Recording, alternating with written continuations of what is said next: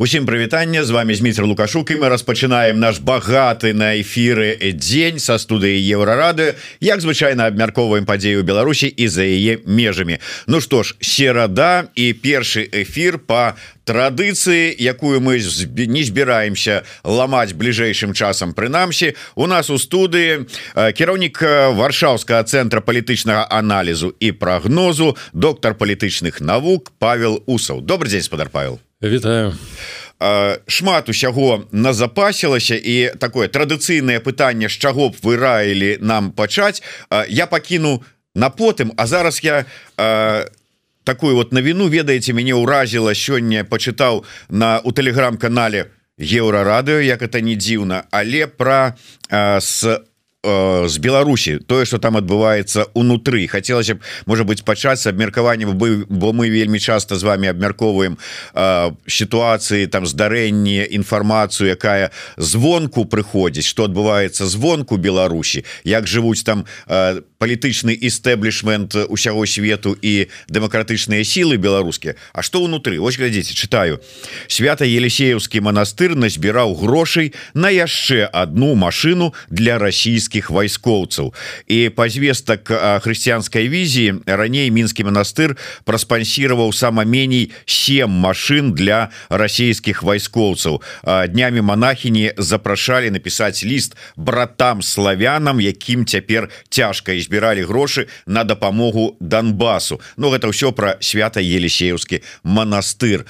А я зараз не про монахінь у якіх можа быть там вот этот прынесены русскими расійскімі попамі русский мир у головах а про беларусаў якія гэтыя грошы на заклік гэтых папінь там ці якіны называются монашак отдаюць вот як это что это адбываецца? Ну, послухай тут э, даволі ну скажем так экзістэнцыяльнае пытанне хто зараз ходзіць у расійскую праваславную церкву зразумела гэта э, такое э, вельмі учулёнае пытанне так э, бо пытанне веры заўсёды заўсёды як пытанне крыві як казаў адзін з герояў булгакова вельмі складанае пытанне. Але калі мы ввогуле ну сур'ёзна падыдзем да праблемы праваслаўнай царквы маскоўскага патрыархату бо гаворка вядзецца менавіта пра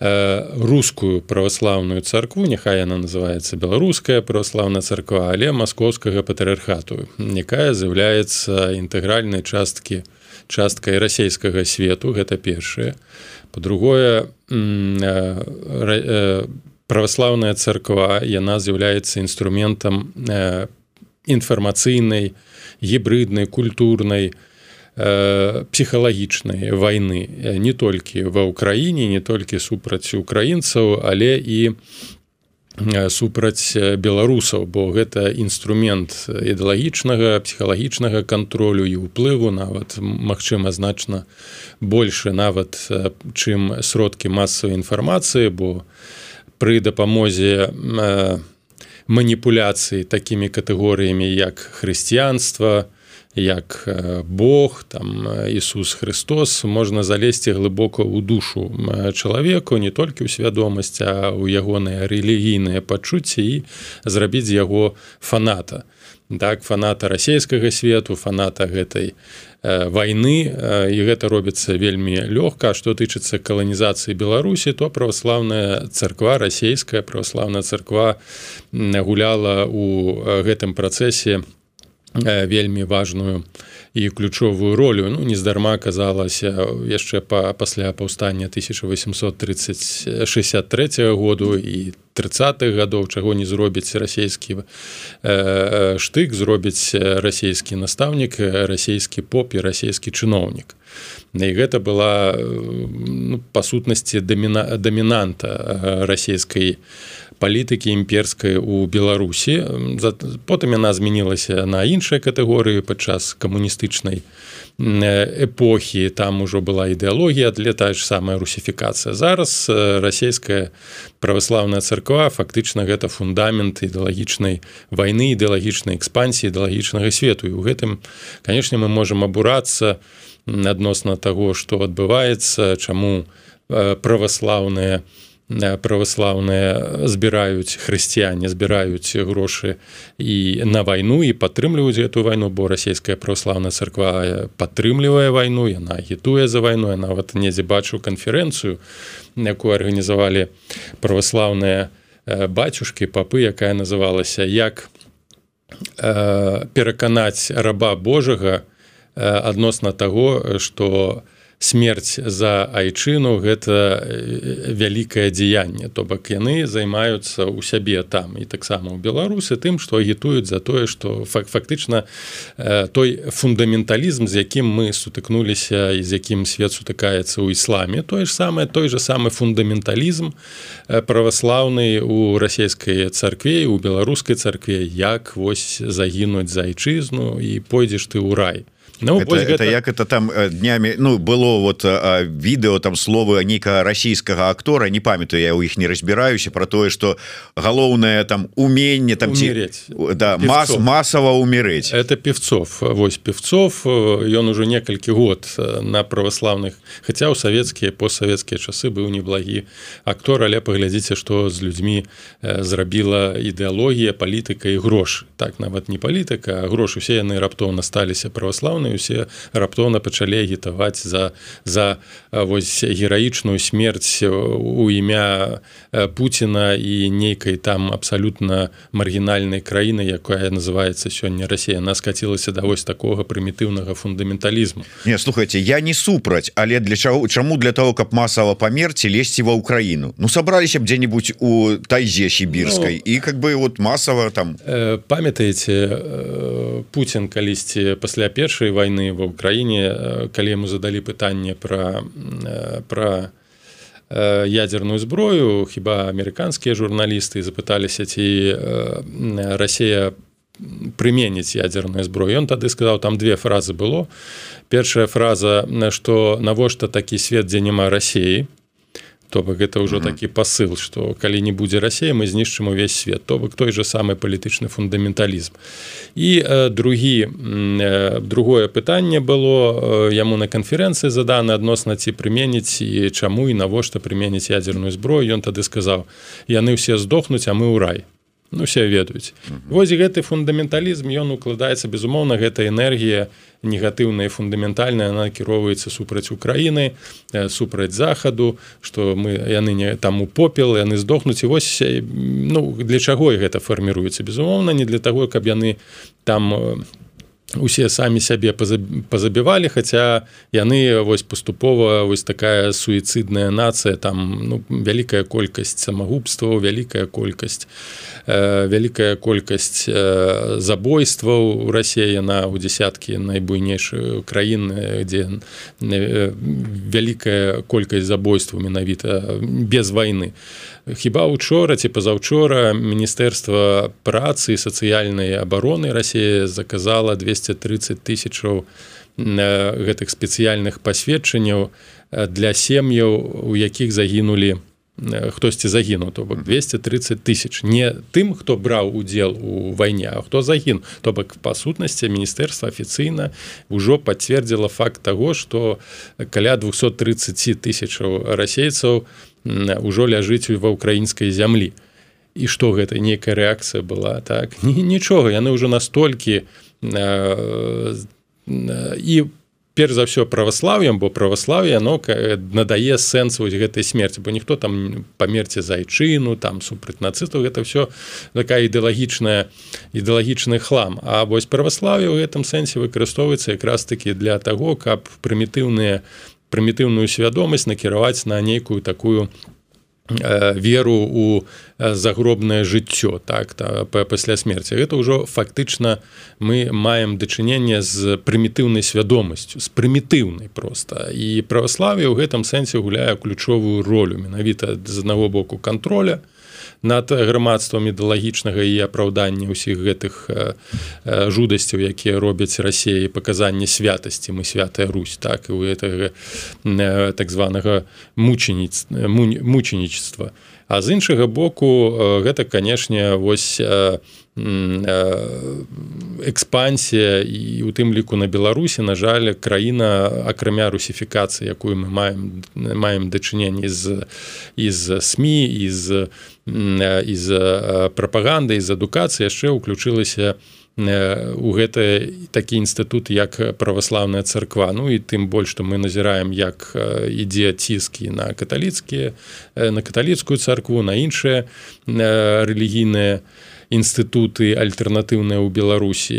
І таму тут няма нічога дзіўнага ў тым што яны свае сваю паству апрацоўваюць у таким рэчышчы тут пытанне да беларус Да вось я беларус... хотел просто я выбачаюся так. удакладніцца. Калі праваславие вось гэта маскоўскі патрыархат гэта фактычна частка лукашэнкаўскай дзяржавы пуцінскай ча... ужо пуцінаўскай Ну, я зараз про тэрыторыю беларусі але мы ўся ж разглядаем праваслаўную царку як нейкую аўтаномію ідэалагічную. Так безумоўна яна на тэрыторыі беларусі але гэта інструменты на маскоўскага патрыархату добра гэта нюансы мяне больш цікавіць іншыя яны на беларускую то пасту на грамадзян Беларусі будуць праводзіць гэту сваю праваслаўна-маскальскую замбіраванне гэтае. Беларусы поддадуцца Ну як мы бачым з тое што вось вы навіну прачыталі яны паддаюцца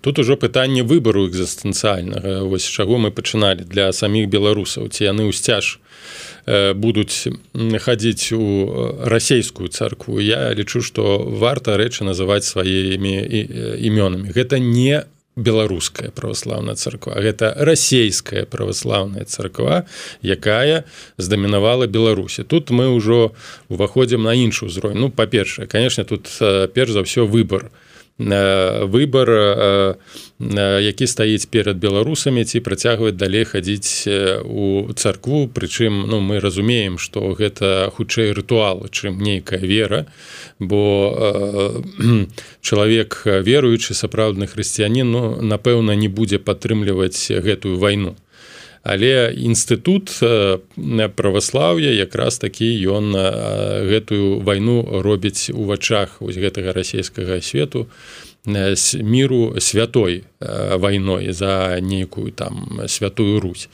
Тут ужо знову вяртаючыся пытанне выбару. Калі людзі ходзяць у царкву там ставяць нават свечкі яны ўсі так ці інакш яны нават купую пакупаючыя свечкі находзячы туды на пасху пры прыналежачы да нейкай традыцыі праваслаўнай але яшчэ раз падкрэслю гэта руская праваслаўная царква якая для нас для беларусаў варожая якая варожая па сутнасці для ўсяго не рускага Таму калі ты ходзіш у царкву хаця б на гэтым узроўні неабходна зрабіць выбор ты падтрымоўваеш не толькі рэжым не толькі гэты інстытут але таксама гэтую вайну. І тут як з беларускай мовай. Другі момант ужо больш важны для нас для беларусаў гэта пытанне аднаўлення аўтакефальнай царквы беларускай аўтакефальнай царквы у гэтым накірунку канешне тут трэба працаваць з беларускімі святарамі якія адышлі ад праваслаўнай расійскай царквы намагацца гэтае пытанне як і украінцы ставіць на повесткі дня але гэта ўжо ну скажем так актыўнасць рэлігійнай суполкі беларусаў. Але так ці інакш я думаю наспеў час на паставіць гэтае пытанне як развіцця якраз такі адны адна адных адным з элементаў бо ну, на жаль ну, на жаль не на жаль але рэлігія прынале прыналежнасць да нейкай канфесіі і развіццё гэтай канфесіі дамінацыя гэта канфесіі гэта адзін з важных грунтоўных элементаў элементаў цывілізацыйнага развіцця так вось англосаксонскі свет там англіканская царква пратэстантызм э, як асобная цывілізацыя там каталіцкая цывілізацыя еўрапейская цывілізацыя вось праваслаўная цывілізацыя расійская.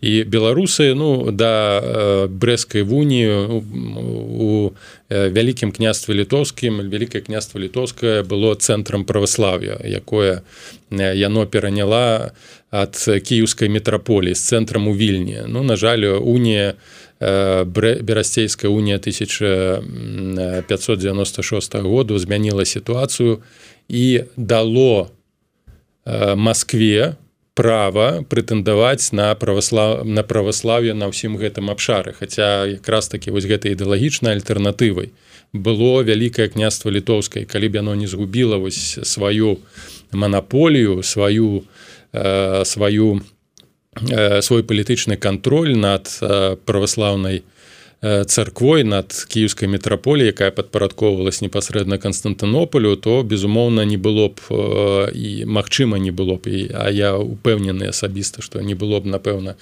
і раскола і войны то і потопа. Я маю навазе вайну 1648 году і потым акупацыю на левабярэжняй Украіны і далейшай унутраных канфліктаў і канфронтацыю якраз таки на рэлігійнай глебе. І перш за ўсё вось якраз такі ідэалагічнай дамінацыі Масквы маскоўскага патрыархату над усімі так званымі рускімі праваслаўнымі землямі. І зараз я лічу самы час якраз таки сыходзячы з таго што мы маем у ва ўкраіне хаця гэтае пытанне раней трэба было падаваць э, і абмяркоўваць вярнуцца да пытання аднаўлення аўтакефаліі беларускай няхай нават за мяжой. Я, я ведаю што былі такія намаганні што ёсць э, былі спробы стварэння аўтакефальнай царквы і былі святары. І я думаю што гэтую ідэю трэба зараз папулярызаваць. Бок у нас атрымоўваюцца такія тры стаўпы Э, такога ідэалагічна рэлігійнага кшталту беларускага нацыянальнага адраджэння. Гэта каталіцкая царква гэта уніяцтва якая ну так ці інакш сталася часткай нашай гістарычнай традыцыі і альтэрнатывай для праваслаўя. І гэта праваслаўная аўтакефальная царква якая будзе падпарадковвацца умоўна канстантынополю канстантынопольскаму патрыарху а не на ані масковіі Вось тады калі у нас будзе развівацца яшчэ і рэлігійная духовная аўтаномія думаю што мы вызвалімся праз нейкі час ад вось гэтых уплываў бо царква гэтая праваслаўная як і расійскі свет пакуль Росія функцыянуе яна будзе аказваць на на нас ціск на беларусаў ціскі вось такое рэлігійнае прасвятленне асветніцтва рэлігійнае яно зараз таксама патрэбна якраз такі ў кантэксце вось гэтага агрэсіўнага праваслаўнага фундаменталізму які пашырае расійская праваслаўная царква. Але я можа быть у працяг гэтага але іншая гісторыя про тое як у гомелі губазікаўцы затрымалі чалавека нібыта за подпіски на экстрэміскія телеграм-каналы А напрыканцы там у этом так званым там відэо дзе ён там вымушаны быў там нешта казаць прымусілі яго крычаць слава Росіі вот у іх някае прасветлення у гэтых вось а, а, не ведаю там хто яны такія гэтыя людзі ці ёсць у іх там некае разуменне того что адбываецца дзе яны жывуць і часткай чаго яны з'яўляюцца мы ж павінны таксама ж разумець якое у Э, якая чыстка мазгоў адбываецца у гэтых людзей якія працуюць у амапе якія працуюць э, у мусі у губазіку гэта ўжо русіфікаваныя людзі. Гэта тыя хто будзе ну прыгадайце таго ж караева падчас пратэстаў два года ўжо не кажу пра шуневіча які памятаеце там гарадавы расійскі стаяў у менску і за что что ему там навязывали прывязвалі шалікі там давалі штрафы ці нават за несанкцыянаваныя дзеянні і вандалізму дачыненні да скульптуры якая ніякай архітэктурнай каштоўнасці не мае вось нават тады вось гэта прыклад якраз такі ну як ён апранаўся у форму нквд нкус на на парадах так? то гэта сведчанне ну таго якую палітыку тым больш што хіба калі я не памыляюся да кубракова якога ну, таксама цяжка назваць беларусам пасля захарынкі хіба не было на гэтай пасадзе беларусу на, на пасадзе мус то бок яны мэта накіравана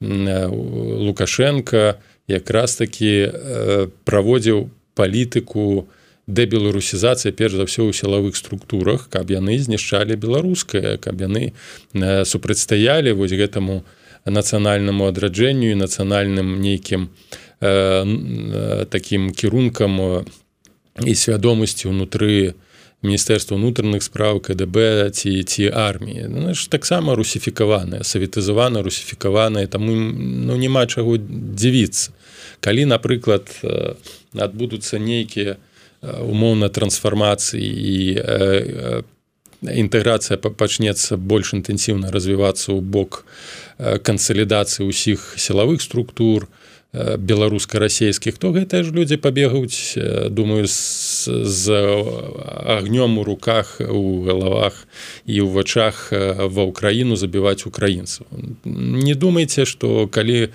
Ну і мы ж ведаем і вы шмат размаўлялі з, з беларусамі з аналітыкамі якія думаю тут в адзін голас кажуць што глыбіня трансфармацыі свядомасці ў бок дамінацыі расійскага свету ў беларусі яна не абмежаваная на па сутнасці тотальна і ўсё беларускае ўсё беларускае ад помнікаў ад нейкіх нейкіх ну, гістарычных месяцаў у беларусі. Нават вайна з дрэвамі вядзецца. У беларусі ну вырубаюць у гарадах ці там на нейкіх трактах дрэвы якім па 100 по 150 гадоў. то бок нават у гэтым вайна з прыродай якая з'яўляецца часткай часткай вось гэтай мінушчыны часткай гістарычнай свядомасці памяці нават нішчыцца ўсё гэта.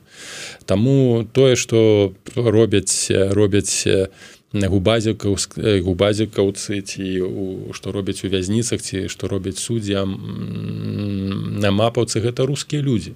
Гэта рускія людзі ўжо па факце Няхай яны там яшчэ маюць пашпарты беларускія, але па факце яны нічым не адрозніваюцца ад масквічей па сваіх па сваім разуменню і па сваім дзеянням. Ну, добра калі б масквічей а то нейкія тамбоўцынькі ну, Макссім праваслаўе на дадзены момант у Беларусі зло я гэта бачу па некаторых сваяках і знаёмых а Эльвіра пісарык прыемна бачыць ваш канал у Нарвегіі. Я украінская уцякачка беларускага паходжання. Прыемна што нас глядзяць у Нарвегіі і я ведаю што не толькі ў Нарвегіі таму давайте яшчэ одну тэму звязаную з унутры беларускімі працэсамі апошнімі днямі пасля таго як а белпол выклаў сваё э, расследаванне наконт новай рэзідэнцыі лукашэнкаўскай ці не лукашэнкаўскай але узніклі чамусьці э, такія ізноўку развагі на тэму транзіта ўлады што вот маўляў гэты новая рэзідэнцыя яна будавалася по под лукашенко як старшыню гэтага усенародна усе беларускага хурала і адпаведна значит ён планаваў ці яму планавалі там з Москвы транзіт улады пераход на гэтую пасаду. Вам бачацца нейкія прыкметы пачатку транзіты? Не ніякага транзіту у Беларусі у бліжэйшае десятгоддзе не будзе.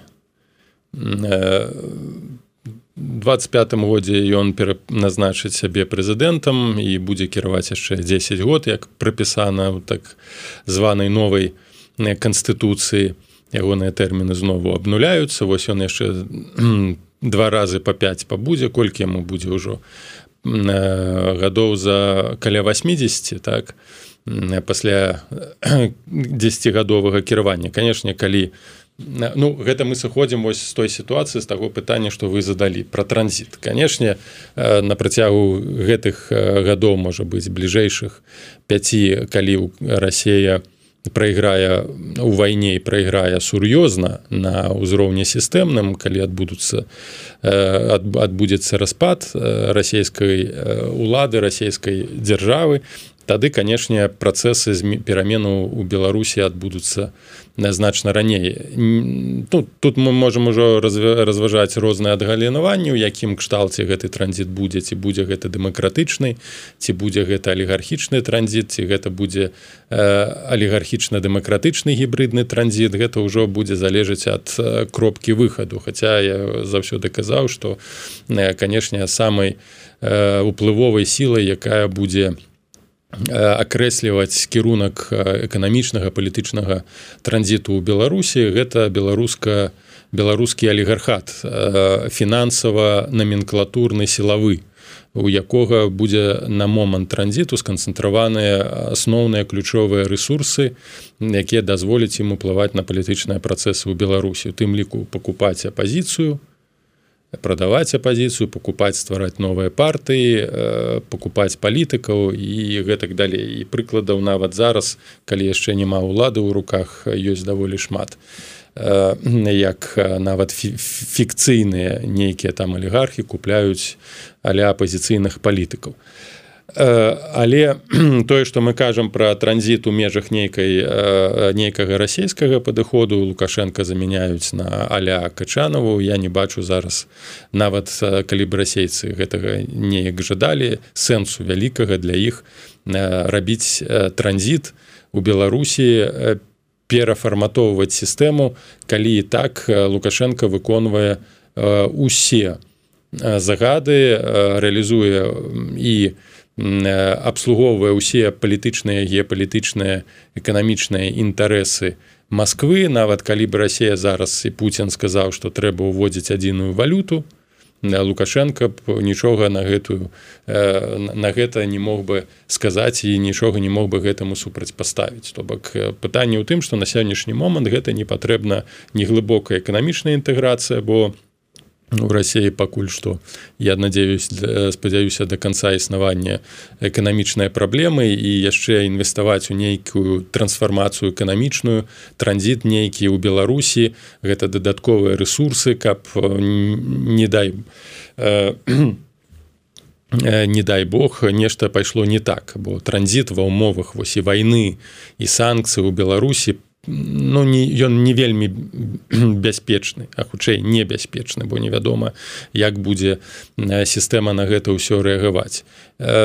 Таму я лічу што хутчэй за ўсё адбудзецца ну, гэтай гэтае сабранне так усе усе беларускае. Яно дасць дадатковы мандат. Лукашенко скажа што ён вось такі наш дарагі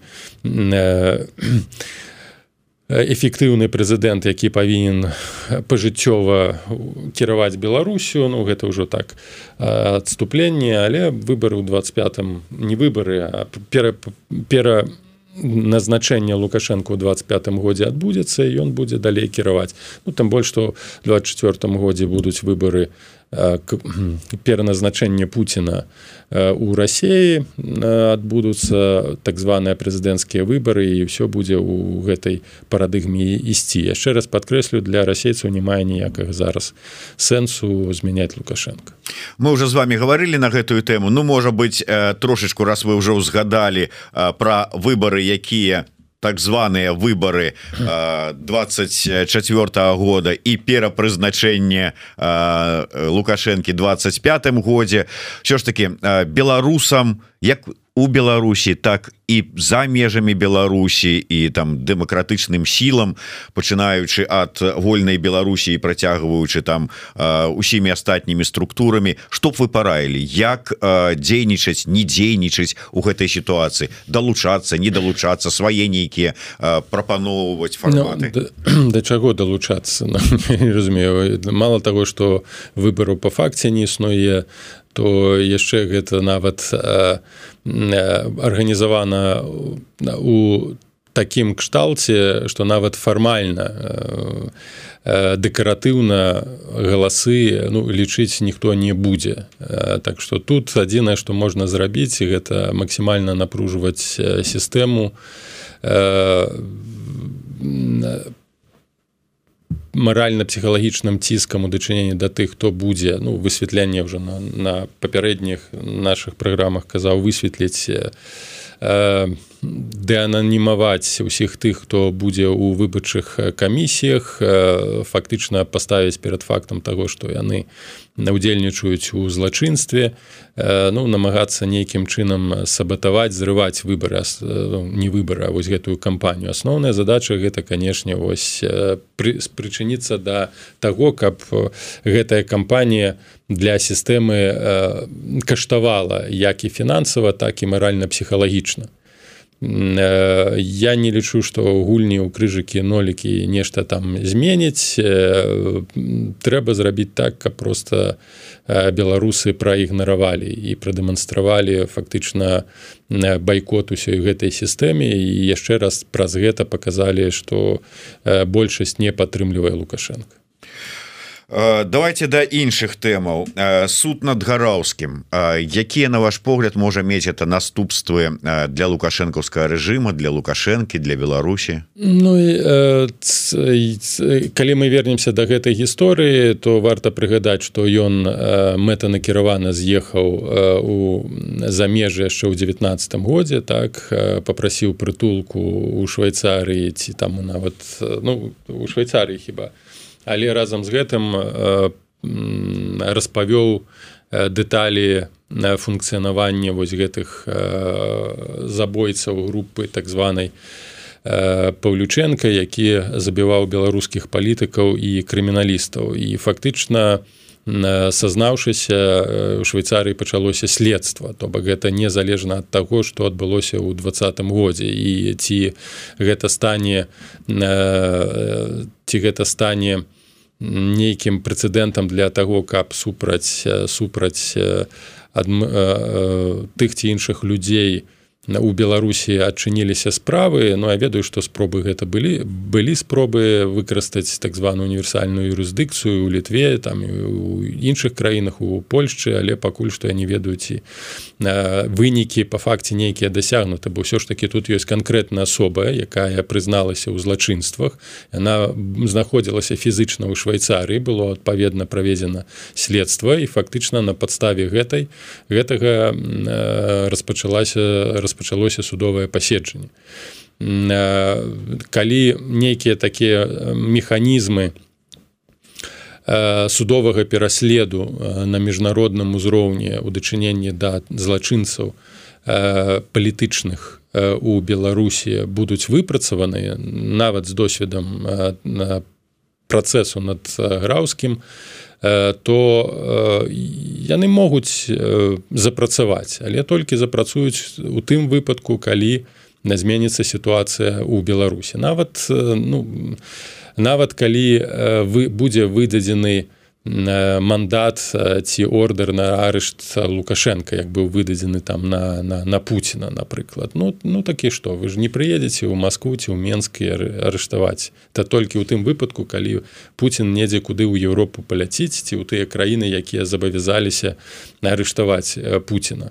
Вось у дадзеным у дадзенай сітуацыі. Але нават по нават калі б гэта здарылася калі б ён паляцеў у Еўропу ну не я не ўяўляю як як гэты бы працэс э, выглядаў бы улічваючы што э, гэта фундаменталісцкая дзяржава там страчыць усіх ядзернымі ударамі.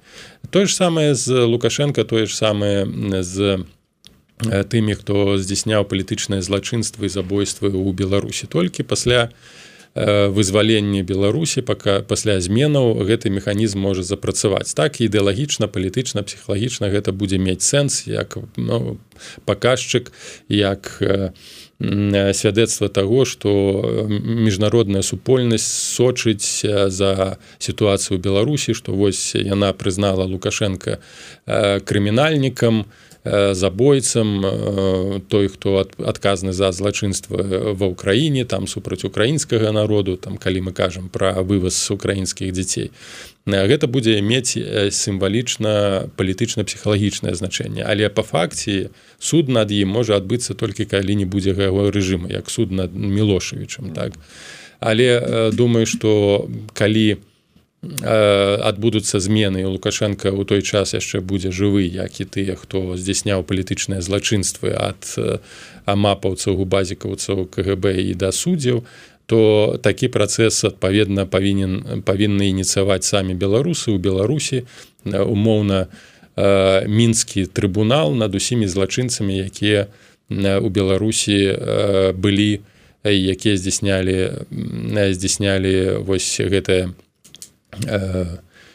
дзеянні супраць чалавецтва там рэпрэсіі гэтак далей. То бок гэта лічу перш за ўсё такі суд павінны правесці беларусы публічны паказальны і разлічыцца за сваёй мінушчынай. Ніякіх там як кажуць перагарнуць старонку ў гэтым кантэксце не павінна быць. Э, я ведаю что э, э, вольная Беларусь в свой час накіравала лісты ва ўкраіну Кіев верховную раду там здаецца в адміністрацыю прэзідэнта с ну просьбай прапановай прызнаць Беларусь акупаванай краінай учора зеленскі выступаючы на генасамблеі Аан сказаў про тое что Россия амаль паглынула Беларусь калі гэта такая пазіцыя прогучала ад зяленскага ці можна казаць что ну скажем так э, на банкавай набліжаюцца да прызнання вось того факта про які вы э, у сваім звароце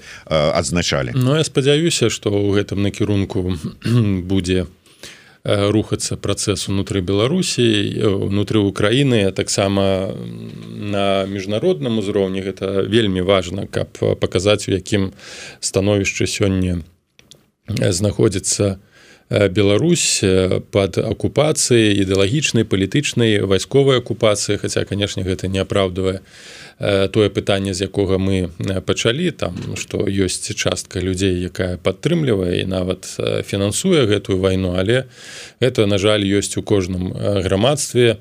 Нават ва ўкраіне ёсць тыя хто працуюць на выведку расійскую нават тая ж царква украінская праваслаўная царква маскоўскага патрыархату толькі пасля пачатку другой войны адчула на сябе ну, цяжкую длань украінскай дзяржавы фактычна начало пачалося яе вынішчэнне выпальванне толькі пасля другой другу пачатку другой войны вось гэтай гэтай агрэсіі што казаць там пра Беларусь калі у яна жыла і грамадства ў значнай большасці ў інфармацыйным вакууме не арыентавалася адносна таго што адбывалася ва ўкраіне і перад 14 пасля 14 году. Але гэта важна каб таксама стварыць адпаведныя механізмы дэакупацыі стварыць і абапірацца на такія фармацыі такія структуры як пол каліновскага дапамагаць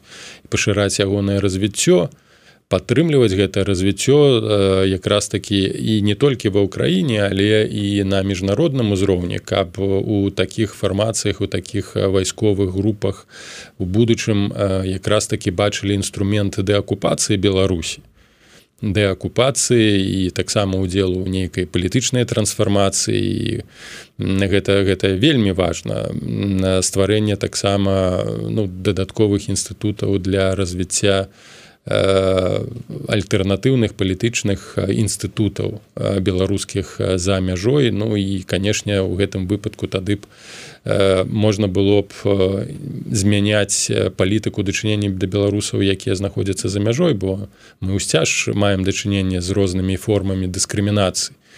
Той же літве та у той же чэхі менавіта таму што беларусся разглядаецца не як краіна якая акупа акупаваная а як краіна суагрэсар як бы беларусы свядома удзельнічаюць у гэтай агрэсіі. А по факце гэта не так. Таму я лічу калі у Э, такі крок будзе з боку Украіны гэта палепшыць сітуацыю адносіны да беларусаў. Гэта збольшага пашырыць падтрымку. Но тут ужо э, э, узнікае іншае пытанне як тыя інстытуты як тыя структуры якія якія пазіцыянуюць сябе у як нейкая альтэрнатыва для лукашэнкаўскай дзяржавы выкарыстаюць гэтую сітуацыю для ўласнага развіцця для паляпшэння ўнутранай сітуацыі для для пашырэння ўплываў і для павелічэння даверу. Бо нягледзячы на тое што нібы кан'юнктура паляпшаецца для апозіцыі але ўнутраная сітуацыя у самой пазіцыі пагаршаецца і то знову мы апынемся ў такой сітуацыі калі добрыя умовы для развіцця інстытуцыянальнага прадзяржаўнага на беларускай апозіцыі не будуць выкарыстаныя і мы знову апынемся ну, ну прынцыпе не вы не выкарыстаўшы тыя ресурсы ў крызісе і потым калі знову паўстане пытанне нейкіх крокаў дзеянняў у дэакупацыі нават калі заваліцца ці будзе ў крызісным стане рэжым Пуціна у нас не будзе інструментаў як у уздзейнічаць на сітуацыю унутры Беларусі? Ну ведаеце я так разумею что в прынцыпе ёсць магчымасць выратаваць гэтую сітуацыю.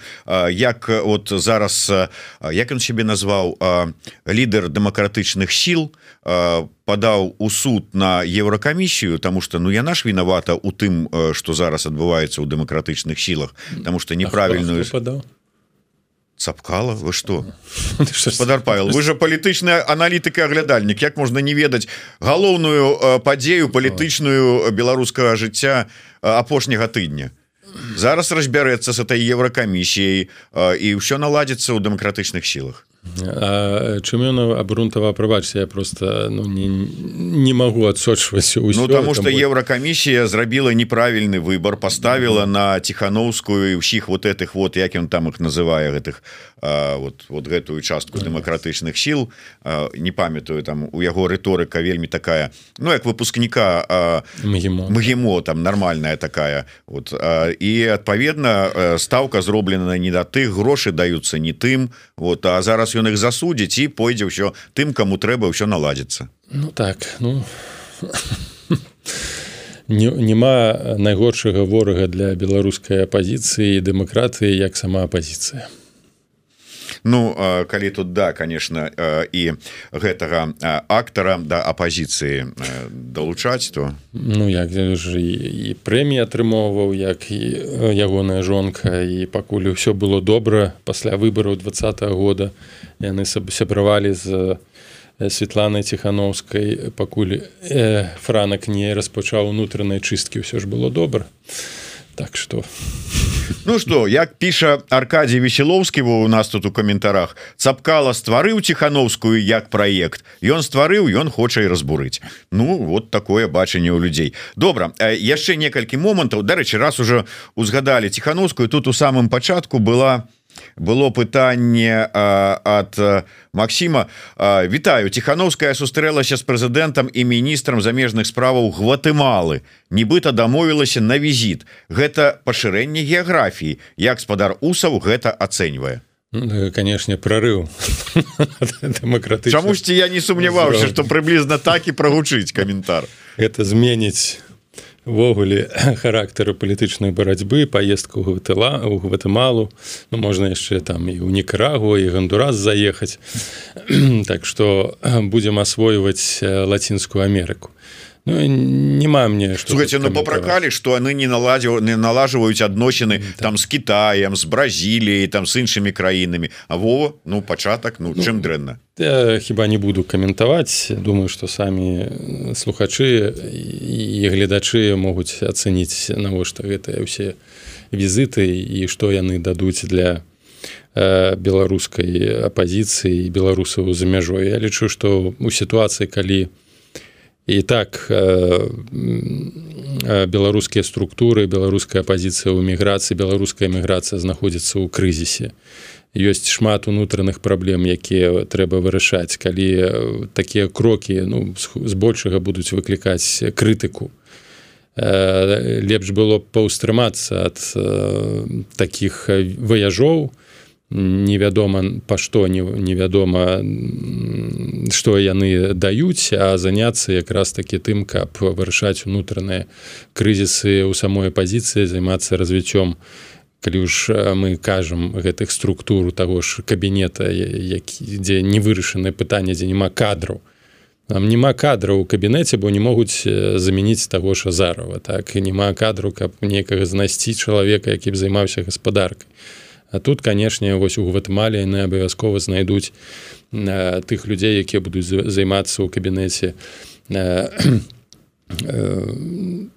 кірункам гаспадаркі ці там сацыяльных сацыяльнымі накірункамі гэтак далей ну на жаль гэта ўсё скончыцца вельмі кепска. Ну ўжо скончваецца для беларусаў і для беларусі. Вось якраз такі не не не грунтоўны падыход да тых ресурсаў якія мела беларуская палітычная эміграцыя якія з тым з тымі ресурсамі якія якімі якія атрымала атрымала палітычная група новая палітычная група пасля 2020 года. Ўсё гэта не скіраванае на развіццё гэтых структура выкідваецца ў паветра. Далей ну на жаль гэта будзе яшчэ больш больш спрычыняцца да развалу гэтых структур. Ну цыпкала той же гэта прыклад якой якую форму ну ввогуле абсурдную можа набыць барацьба ўнутры вось той хвалі апозіцыі якая стварылася пасля двадцатого году. Гэта усім нам не на карысць і перш за ўсё гэта канешне, знішчэнне таго даверу і той веры палітычнай якая сфарміравалася ў беларусаў пасля два -го году два пытанні звязаныя з міжнароднай ну, рэгіянальнай бяспекай. Першае з у сувязу звязку з Украінай і Польшчай тая той ну скандал тое нейкае там супрацьстаянне якое зараз назіраецца паміж Украінай і Польшай. Пачалося гэта ўсё са збожжа украінскага потым с некай там садавіны польскай а зараз дайшло до того что было заявлена з польскага боку что Польша можа скараціць падтрымку Украіны. Ось гэтае супрацьстаянне. А як яна можа адбіцца на рэгіянальнай бяспецы якія можа быць пагрозы для Беларусі для беларусаў? Ну, для беларусаў у перспектыве бліжэйшая такая канфронтацыя наўрад ці будзе мець нейкае значэнне. Канешне гэта будзе выкарыстоўвацца рэжымам палітычным лукашенко і пуцінам у прапагандысцкіх мэтах як дэманстрацыя таго што вось ужо там яны сварацца і гэта будзе аслабляць агульны антырасійскі фронт. Што канешне для ўсіх нас для дэмакратычнай супольнасці агульнай міжнароднай будзе кепска. Але пытанне якраз у тым ну магчыма так такі будзе павярхоўны каментар адносна адносна таго што адбываецца. Канешне там ёсць праблемы тэхнічныя на тым ліку і по баку Польшчы і по ўкраіне бюрократыя за бюрократызаванасць непадрыхтаванасць невыпрацаванасць механізму гэтага э, э, транзіту збожжа. Але ў мяне ну нагульна такое э, пытанне ўзнікла ці каментар. У свеце больш за 600 мільёнаў людзей якія церпяць ад голода пасля таго як Росія ну, Аан траціць хіба на барацьбу з голадам каля 20 мільярдаў даляру. Пасля таго як была зарваная вось гэтая угода зернавая збожжавая так хаця ўжо да гэтага трэба Аан павінен быў бы выпрацаваць альтэрнатыўныя механізмы замены замяшчэння вось гэтага Э, транзіту казалася пра тое што вось зараз гэта пагоршыць сітуацыю э, у Афрыцы на блізкім усходзе гэта справакуе нейкую там э, катастрофу новую хвалю эміграцыі. Ну оказывается что той же Польшчы у той же Венгрыі Славакіі склады забітыя збожжам. На ці ёсць велізарныя запасы якія не могуць прадаць на ўнутраным рынку ці на знешнім рынку. Збожжа украінская абвалівае кошты гэтак далей. Так оказывается что ёсць велізарныя запасы гэтага збожжа. І што э, можна было б гэтае збожжа ў той же Польшчы і тая ж еўракамісія і міжнароднай арганізацыі просто выкупаць і вывозіць калі гэта ўжо такая велізарная праблема што польскаму фермеру няма куды на э, прадаваць гэтае збожжа оно гніе там на складах то чаму няма чаму не выпрацавана адпаведна міжнародных тых жа еўрапейскіх механізмаў якія б маглі б мэта накіравана вось гэтыя інструменты гэтае збожжа выкупаць і перавозіць у тую ж Афрыку калі э, толькі Украіна могла выратаваць Афрыку. Казалася про тое что без украінскага збожжа уся Афрыка там памрэ э, ці блізкі ўсход что гэта справакуе жудасныя сітуацыі так дзе гэтыя інструменты якія павінны нібы вырашыць праблему голода выкупае тое ж самае зерне збожжа у Польшчы ці у Славакіі з тым же самым украінскіх збожжам. Оказывается что дэфіцыту збожжа няма.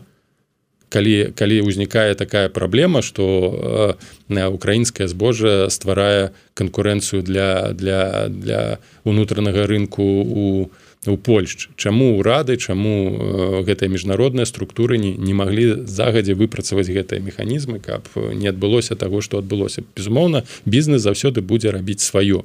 Ён будзе купляць он будзе прадаваць он будзе перапрадаваць. Гэта стварае пэўныя спекуляцыі спекулятыўныя цены абвальвае кошты і стварае крызіс. Ну але трэба было над гэтай над гэтым пытаннем ну задумвацца загадзя а не ўжо калі ўзнік крызіс Ну і коротко может быть на завершэнне просто было пытанне таксама на актуальную тэму Вось зараз вайсковых там ці як это назвалі спецыяльная аперацыя Азербайджана у нагорным карабаху. І пыталася наша глядачка А что ж АДКБ? Чаму не дапамагае Арменії? Ну, Вось коротко. яно ніколі не было готова дапамагаць Арменії. Гэта фікцыйная структура і Арменія вымушана была там у знаходзяцца бо э, спадзявалася на гаранты рассіі не на ДКБ а на гаранты рассіі Ну і по факце там ужо гэта неаднакротна абмяркоўвалася нагорны карабах абвесціў пра сваю незалежнасць. Яшчэ ў 91 ці ў 90 годзе яна непрызнаная на, э, на міжнародным узроўні фармальна нагорны карабах асобная дзяржава так. І Путін заўсёды казаў пра тое што ну Азербайджан жа не нападае на арменію ён воюе супраць незалежнай квазі незалежнай дзяржавы якая не ўваходзіць у АДКБ таму АДКБ у гэта у гэтую сітуацыю не ўмешваецца. Ну але гэта безумоўная рыторыка фармальнасць якая не мае ніякага дачынення да да Э, да, да, да сітуацыю на горным карабахе ДКБ не тая структура якая ўвогуле ў стане вырашыць э, такія сур'ёзныя праблемы і увайсці ў вайну нават так званыя расійскія міратворцы не ў стане былі вырашыць э, хаця Росія давала нейкія гаранты яшчэ пасля э, першай вайны ў двадцатым годзе давала гаранты накіравала туды міратворцаў што ўсё не будзе ніякага далейшага развіцця канфлікту. Ну ідзе гэтыя гаранты то бок ну на маю думку безумоўна Росія стварае яшчэ одну сур'ёзную гарачую кропку крызіс які адаб'ецца на Арменії потым ён сур'ёзна можа адбіцца на ўсім рэгіёне у тым ліку на Грузіі дзе і так сітуацыя даволі нестабільная палітычная. І стварэнне яшчэ адной напружанасці таксама гэта фактор у э, такога дадатковага псіхалагічнага ўплыву на захад Ну что ж сапраўды про тое як можна верыць гарантыям Росіі Арменія зараз вельмі добра вера ведае. Ну а як можна верыць гарантыям лукашэнкі вам раскажа прыгожан Дякую вялікі Павел луса узьміце лукашукі надалей у нас у эфиры украінскі палітолог Яўген Магда працягнем з ім абмяркоўваць падзеі у Беларусі і вакол яе. Дякуй слухайте глядзіце нас подписывайтеся на телеграм-канал Павла Павла Усова і YouTube канал еврорады расшарвайте э, задавайте свае пытанні. Ну і ўсё астатніе самі ведаеце што рабіць дарослыя уже хлопчыкі ды дзяўчаткі. Сустрэчы